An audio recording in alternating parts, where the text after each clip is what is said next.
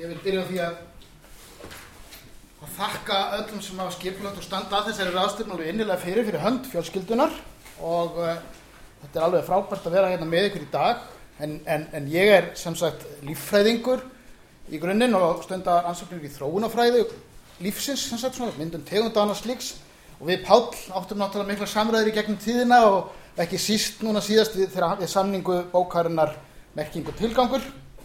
Og það sem ég ætla að segja ykkur svona er að einhver leiti afurð af þessum samræðum en um leið svona að skoða möguleikana getur við sagt fyrir mitt fag í ljósi þeirra heimsbyggi hugsunar sem að Páll og hans félagar í heimsbygginni bóða. Þannig að þetta snýst um að skýra út eða nálgast skýringu á því hvernig við nálgumst hugtakið fjölbreytni lífsins sem er ju lagt til grundvallar í mjög mörgum hlutum og ekki síst bara í því sem eins og Páll útskýrir uh, í þeim frum hugtökum sem Platon leggur út frá þannig að við getum yfirleitt hugsað um heiminn. Þar er orðið mismunur nefndur sem eitt af þessum frum, fimm frum hugtökum sem að ég og ég get sagt held ég Páll leifum okkur að, að, að, að vísa til hugtaksins fjölbreytni eða diversity og reyndar er það þannig að, Páll tengir þetta beint við sitt eigið merkingarugtak þar sem hann segir að merking er afmörkun þar sem markaðir skil einhvers, sett mörk, merkið eða sendir merki. Þannig að hann, þetta er nátt tengt hugtök. Og það, það, þetta nálgast Páll í grundvallar atriðum út frá tólkun sinna á kenningu plótínusar, uh, hvernig merking kemur til sögunar, það er þegar hugurinn vil höndla heið eina og marka skil, gera eitthvað úr engu, getur við sagt, eða eitthvað úr öllu. Og uh, án, án, án, án hugtakana þá gætum við ekki náð þessum, getur við sagt, árangri um merkinguna og ég kem nánar að þessu síðar. En við þekkjum öll umræðinum mikilvægi lífræðilegar fjölbreytni og einn fjölbreytni náttúrunar uh, í heilsinni. Hér sín ég skilgrinningu á hugtakinu sem er mest notuð og frá, hún kemur frá Ríorastefninu 1992 og hefur verið mjög virt þessi skilgrinning og ég dræg aðtikleikar að því hvað hún er óskaplega uh, viðtæk. Hún er auðvitað vísar til fjölbreytilega lífsins innan lífurinnar, milli lífurana, tegundana og líka milli atbyrðar sem er eiga stað í umhverfi lífurana, í vistkerfi lífurana. Og ég nefni umhverfi alveg vísvitandi því það skiptir máli.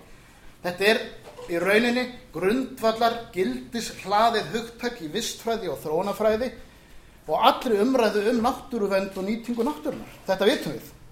Og við getum sagt að gildið saminast svolítið í þessu feitli treðana neðst án fjölbreytni eru engir valkostir. Það er ekki að, er ekki að velja neitt en það er ekki eitthvað til að velja úr. Og faralegandi, þetta er grundvöldur þróunakenningarinnar, þróunakenningar darfins, að velja, sem sagt, náttúrulegt val velur úr breytileika. Þannig að við held ég þurfum ekki að efast um sko, mikilvægi hugtaksins. En ef við lítum á svona hugtakið í tengingu þá við líffræðina, við vistfræðina, þróunafræðina, þá vil ég fyrsta því að ég legg svona upp með svona empiríska nálgun í upphafi að fjölbreytni og öll starf sem er henni tengt, ekki síst í lífríkinu, hún er að mjög miklu leiti mælanleg. Þetta er svona það sem að raunvísindamenn myndi segja raunverulegi hlutir. Og það er, skiptir verulegu máli. Þetta er höndlanlegt þannig, empiríst. En við vitum líka að þessi fjölbreytni, þessar einingar og kerfi líkamanns og vistkerfina sem líkamannir og tegundinni búa í, eru í margháttuðum samskiptum og tengslum sem auðvitað eru oft lífsnöðsynleg, eins og bara láta lífsapparati ganga, hjartað slá og svo framvegis. Og þannig er verið að leysa allskyns vandamál í tilverunni með lífinu til að láta það ganga áfram. Og hér auðvitað alveg glimur mikil tilgangshugsun, markmiðshugsun og annað slíkt og þetta sést auðvitað í hugtökanótkun lífræði til dæmis. Og, og, og það er alltaf einhver viðurkenning fyrir einhverju slíku innra, innra, inn, inn, innri, innri getur við satt markmiðum og tilgangi í nálguninni á þetta. En samt sem áður við náttúruvísindamenn búum við þetta þetta þennan, hvað að segja, ég vil meina akkiris er hæl, ég byrti þetta svona frekar neikvægt hérna, að nálgast þetta sa samspil, þetta flottna samspil sem sjálfvirka eða blinda atbyrður ás orsaka á afleðinga sem skýrist á fyrst og reynst af eðli efnisformana sem eru í frum veruleikanum og ég segi frum veruleikanum því að þetta er raun og það sem Páll lýsir sem, sem, sem sko frumspeki efnishygginar sem að er að segja efnið stjórni öllur umverulega og þessi vandi sko, sem að lífræðin lendir þá í sko, og, og svona bara stuttlega að er kannski sá og þetta svona tengir það sem ég segir svo síðar er að sömu efnisform til dæmis ákveðin gen sem okkur er týrætt að tala um eða sömu umhverfistættir eins og til dæmis einhvern hitastig sem svo maður hafa þetta bara einfalt að þeir, þessir þættir sem sagt sömu þættir geta haft markþætt og mikil og mis, mikilvæg hlutverk. Allt eftir því í hvaða samingi þeir eru hverju sinni. Til dæmis innan þroskaferðlis lífverunar þá starfa geni frumum mjög mismunandi eftir bara aldri og vexti og þroska lífverunar og umhverfistættinir, allt, allt þetta er í samspili, það er punkturinn sem ég er að, er að koma með. Og það er bara hrein og benn staðrendað svona, svona grunnskoðin og einum efnislega veruleika þessara eininga á í mesta basli með að skýra þetta markáttaða samspil og samingi og því lendir líffræðin og oft í þeirri og ég er þeim erfileikum að, að þegar þegar tekist er á við skýringar og hún veitir mjög margar skýringar vegna þess að það er flottar tæki gangi til að væla hlutina og svo ræðis þegar kemur að því að skýra þessi flóknu lífkerfi og, og, og af hverju kannski þau vilja hafa tendens til að hafa markvisa starfsemi þá eru svona orð eins og einhvern veginn af því bara á nokkurs utanakomandi, það er náttúrulega mjög ábyrgandi eða alveg sjálft. Þetta eru orð sem eru mjög svona algeng og ég lýsi þessu þannig að fræðin eru að vissleita rekast á vegg. Og hér er ég náttúrulega gaggrina svona harða vélikju og efnisíkju með þessum yfirlýsingum svona til að koma punktinum af því að Pál orðar þetta svona og í bókinni, merking og tilgangur og, og hér er hann náttúrulega að benda á það að allt samfélagið er gegn sírt af þessum hugsanhætti og segir svo hugmyndir nú vorði viðtekinn það þorra fólks að veruleikin eða veran sé í grunninn lífvana efni sem síðan þróist með óskilinlegum hætti í að mynda líf sem síðan myndar huga eða vitund og ef, já, sem sagt að þetta er ekki við rauka stiðjast segir hann. Og hér er Páll auðvitað að kynna til sögunar í sína hugsun um kerfislægan eiginleika frum veruleikans þannig að hann aðhyllist að það, sé, að, að, að það ríki kerfi í hennum frum veruleika tilverunar, ekki satt og það er þessi andstöðu við efnisvíkjuna en bæði kerfisvíksum Páls og efnisvíkja náttúruvísindana hafnar í sjálfu sér einhverjum guðlegum öblum sem stjórna tilverunni engöngu í frum veruleikunum, ekki satt. Svo við ekki sem bara taka það mála alveg út af daska einhverjum yfir náttúrulega öbl en, en það sem að merkingin þannig að ég held því fram að merkingar nálgun Páls og hans röki sem hann færi fyrir því opni vissar dyr fyrir þessa hörðu efnishugsun og, og geti útskýrt hvernig einingarnar starfa á margvíslegan hátt þó þessi efnislega alltaf eins meir og minna.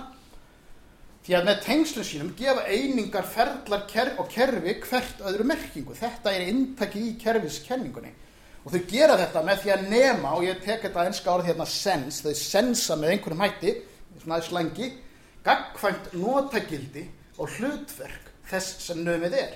Og með þessu verður til tilgangur. Og Pál beitir fyrir sig hugmyndum hætingar sem ég set hér fram mín, á minn eigin hátt tek það fram með svona einföldunum að kjarni málsins í þessu samengi er að að að hlutir heimsins eru, eru verunum, okkur og frumunum og, og öllu sem er í heiminum aðgengilegar af þessu marki. Að, hann notraði tiltækileiki hérna og hlutin er hafið þannig á, myndi þannig ákveði tilvísunakerfi, gagvar því hvernig við getum náð þessum skinnjun við veruleikan eh, í kringum okkur sem gefur merkinguna. Og það er, það er þetta sérstakka samband hlutana sem síðan myndar í raun umhverfi þessari veru eða þessari einingar sem um ræðir. Og þetta er það sem að fjallarum reyndar í líka í umhverfingu ég bytna hérna í aðan en, en þetta má líka þessum að lýsa bylunum sem hugtökinu um heimi eða umvelt sem hætingar notar. Og við erum þá að segja hennilega hver einasta vera, hver einstök vera hún er með sitt, sitt umvelt, sinn umheim sem byggist á þessum tengingum. Og ég legg áslá hérna að Heidegger var undir áhrifum held ég örglega með frá manni sem hétt Jakob von Uxkel eistneskum hérna lífræðingi og heimsbyggingi sem að þeir þekktust. Og, og það var nú heldur uxkel sem að uppvötar orðið umvelt eða sem sagt kemur með bílhugtækið í rauninni til. Og ég kem svo nánar að uxkel setna svona til að, að draga þessar staðhæfingar sem ég hef verið með um mikilvægi merkingarna fyrir efnishugsunina að betur aðeins upp. En setjum þetta þá öllum til meira svona í þetta lífræðilega samhengi, í samhengi við vist og, og, og þróunafræðina. Við getum sagt að þykja, að gefa og þykja merkingu er vissulega í upphafi huglegur, eða eins og Pálmenda var sagt kannski andlegur tengslaveruleiki. Ég kýsi eiginlega að nota meira huglegur, það er bara svona tæknilegt aðrið. En við getum sagt um leið að starfsemi og form efniseiningana fylgir síðan fast og eftir. Þannig að miðunurum þarna á þessari atbyrðarás er ekkert alveg skýr. Og tungumól erðaefnisins, DNA, er til dæmis augljós stæmi um þetta. Það tekur við og flytur skilabóð á milli kynslaða og líka hefur mismöndi starfsemi innan lífverunar í, í, í sínu lífi líka. En á samaskapi þá getur formgerð lífvera, eins og ég mun sína ykkur hérna myndum eftir augnablík, líka mótast alfarið á nokkurar beitnar starfsemi gena af skilabóðum frá umhverfinu sem að kannski tengi beint við þessa pælingu hættingars um merkingar hlutverk tiltækileikans þess sem að veran er að tengjast við. Og takk ég þá líka eftir því að þegar, þegar að veran tengist ekki við neitt þá er það væntanlega hér óþekta í veruleikunum askjan, skiljiði. Náttúran vilt án tengingar svo ég komi þínu svona aðeins að og tengi svolítið við það sem hér mun fara fram á eftir og vera sagt Hvernig myndum við til dæmis lýsa þessari lífveru án tilvísunar til umhverfisins? Ég ætla bara að leiða ykkur sjálfum að, að prófa það. Þetta er sæhæstur. Gaman að ykkur njóta þess lengur en falli mynd. En þetta er punktunum sem ég er með þegar kemur að tólkun á þroskun og þróun lífsins með tilliti til hugmynda Páls. Hér eru þrjú dæmi um bein áhrif umhverfistáta á þroska einstaklinga innan kynnslóða það er, eru áhrif eh, ramfiska eða efna sem þeir gefa frá sér í vatni sem hafa þessi dramatísku áhrif á vatnaflæðnar hérna. Þar sem að þegar að ramfiskurinn er þá verða það myndaðar skjöld til að verjast ramfiskinum þessi fyririldi, fallegu fyririldi skipta litum eftir því hvort um er að regna eða þurkatíma og dæmið þarna um halakörturnar er það sem um ólíka fæður að ræða. Þannig að við getum sagt að tengi veruleiki þessara lífverða við þá sitt umvelt sin, sin, það sem þeir að tengja við og skiptir þær máli og er, hef, gefur þeim notagildi eins og að ég tal dæmis að það skila sér í ólíkri lögum þeirra hreinlega. gefur þeim í raun ólíka merkingur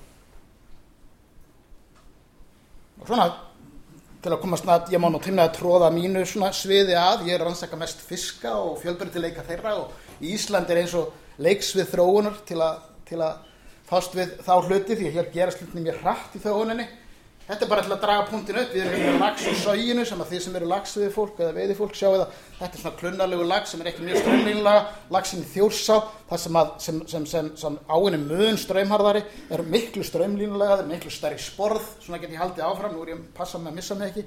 Aðalega treð bara að það er, er, er hér að lífverðan er hér í einhverju sambandi við umhverju sitt. Og við köllum auðvitað þetta oft svona einhvers konar aðlugun eða eitthvað slíkt en ég nota það orðreinda mjög lítið í, í fyrirlestingina nú ég hef rannsakað bleikju þessi bleikju aðbríði þinguvallavatni sem er annað dæmi sem að er að þróast á síðustu tíðust árum og þau hafa myndað sitt, uh, sitt útlið, þau hafa þróast svona í augljósum tengslum við sitt umhverfi. Með einhverjum hætti. Og ég ætla ekki sem sagt að fara út í smáatriðunum hvernig við teljum að það hefur gerst en, hefur, en þetta er bara svona til að koma með punktin um að, að bæði það að lífræðilegu fjölbyrði til ekki raunverulegur og hann byggir á nánum tengslum lífurunar við sitt umhverfi. Og þá kem ég kannski að svona kaplaskilum, svollum í þessu hjá mér, sem er þá að, að víkja aðeins nánar að vanda lífræðinga. Því ég sagði áðan að, að lífræðingar vissulega viðurkenna og í raun og veru er að beita oft hugmyndum sem að myndi vera að tengja beitt við merkingarhugsun og við hættingar og sjálfsög aukskjöld sem ég kem með þetta augna blík. En, en, en þeir gera þetta ekki nema lillur reyti og ég held að stafi meðalans af því að það er bara vegna þess að þáttur huglaður atbyrðurásar um hlutverk og merkingu ferla og kerfa er þeim bara, er þeim bara þá svo, framandi. Það erum ekki búin að þjálfa þeir í þessu nema þegar kemur á notkun hugtaka eins og tegund eða gen eða umhverfi sem við teljum mjög mikilvægt en vegna þessar er svona skorts og raunveruleika tengingu í hugtakanótkuninni þá verður hugtakanótkunin oft rugglingsleg og ég vil raung og ég veit að ég er mjög aggressív þegar ég segja þetta ég vil, en það er aðalega bara til að koma punktinum að. Og þetta erum við ekki svona vittlisir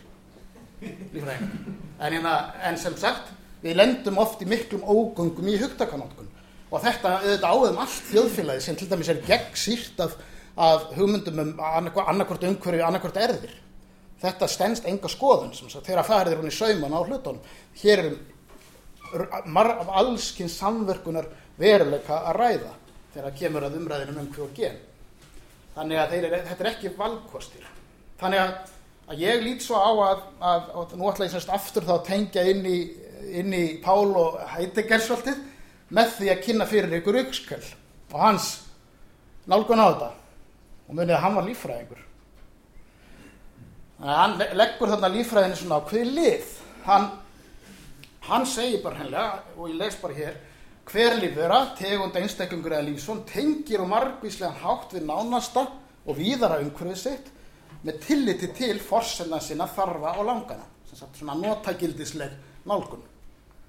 Þannig getur sami hlutur haft margs konar þýðingu eða notagildi fyrir lífverðina og þetta er það sem að aukskjöl nefnir míning sem þetta ég bara legg beint ja, sama sem merkir við míning hjá Páli.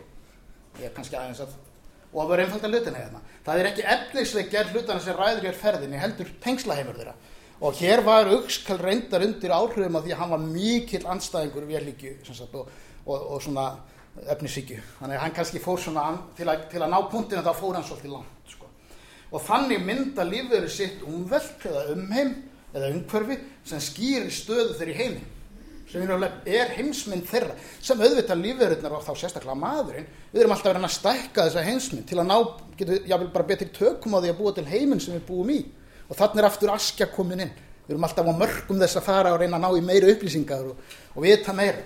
En kannski punkturinn er líka sá að það sem við hins vegar erum ekki að nema í viðum skilningi orðsins það er ekki til það er fyrir utan umveltið, það er fyrir utan umheimin það er einn stóri veruleiki náttúrunar náttúru heimurinn eins og Pálmundi hafa sagt.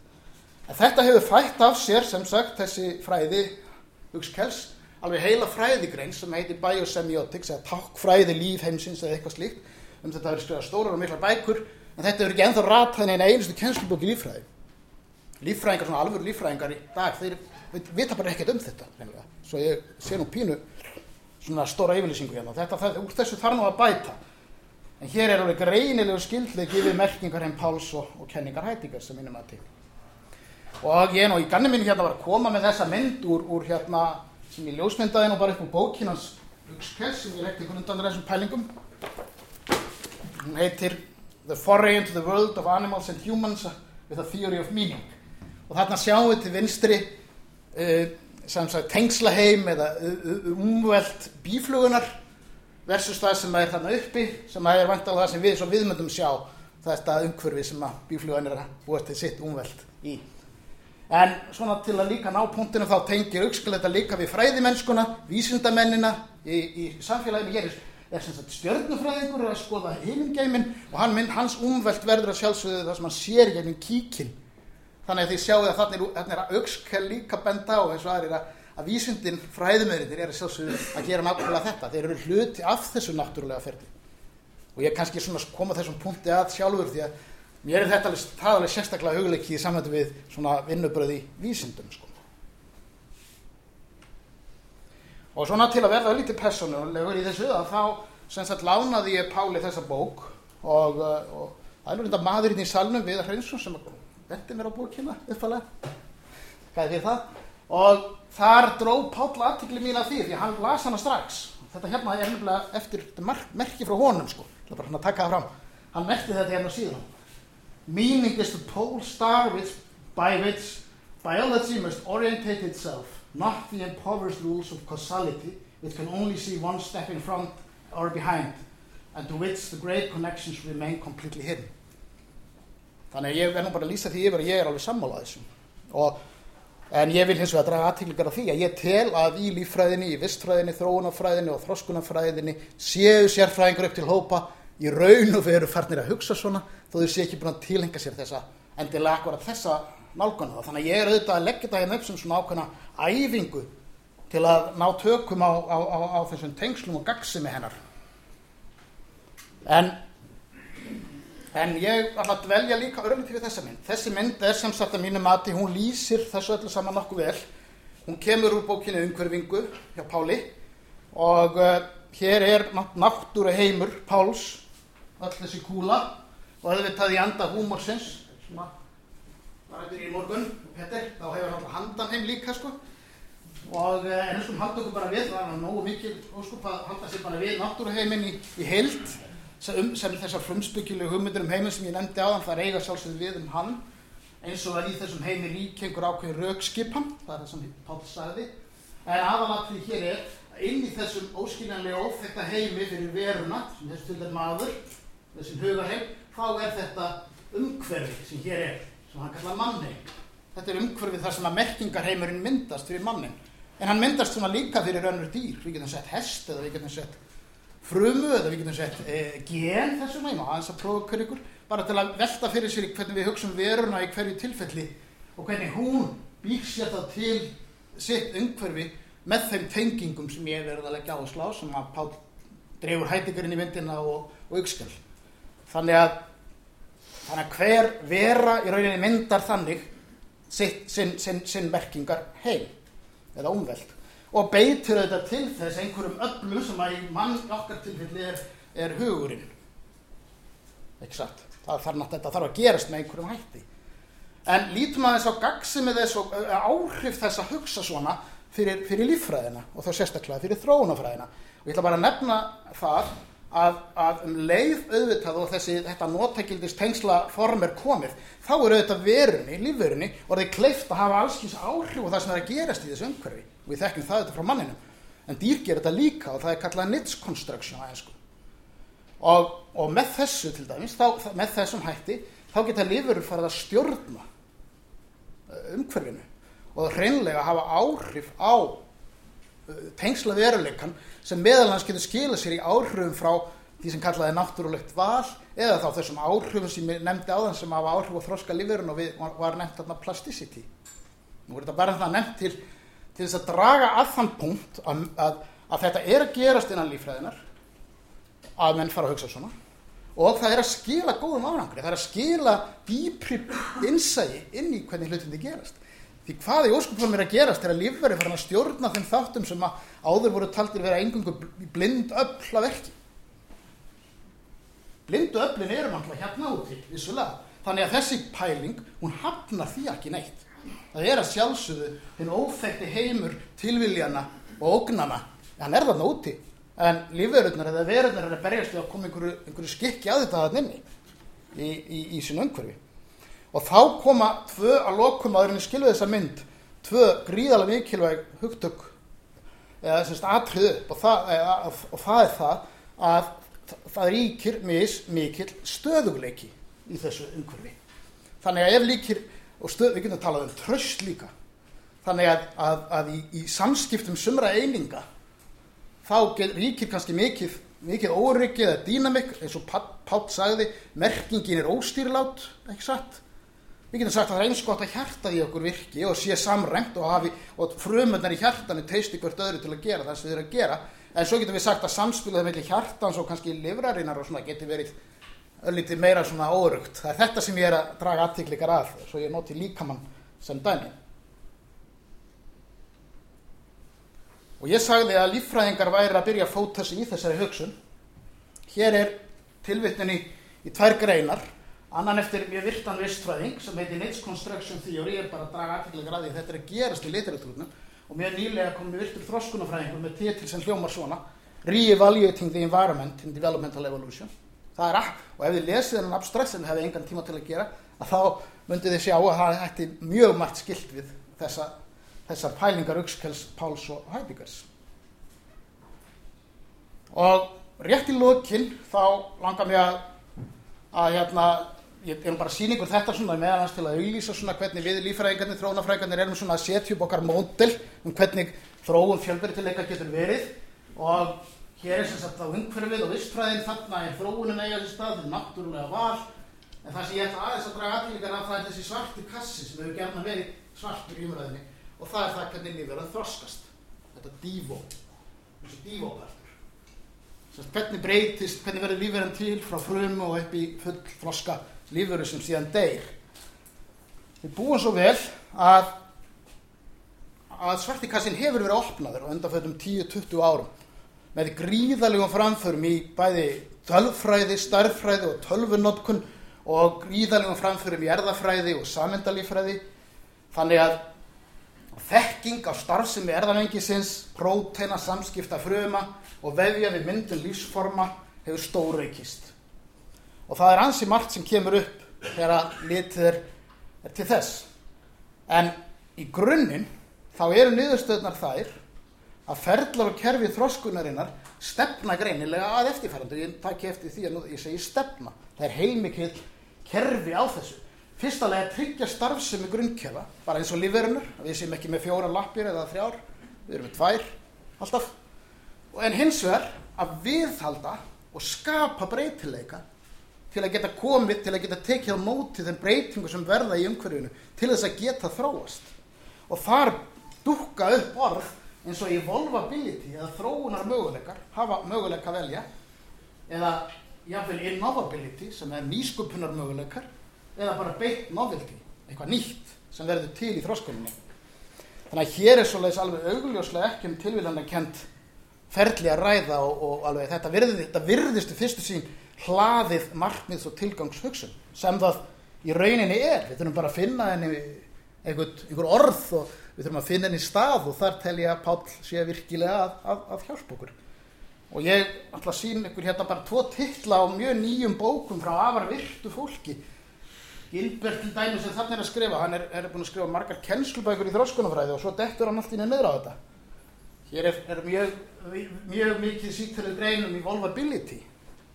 Og Andreas Wagner, austryggsmaður, er að skrifa um arrival of the fittest.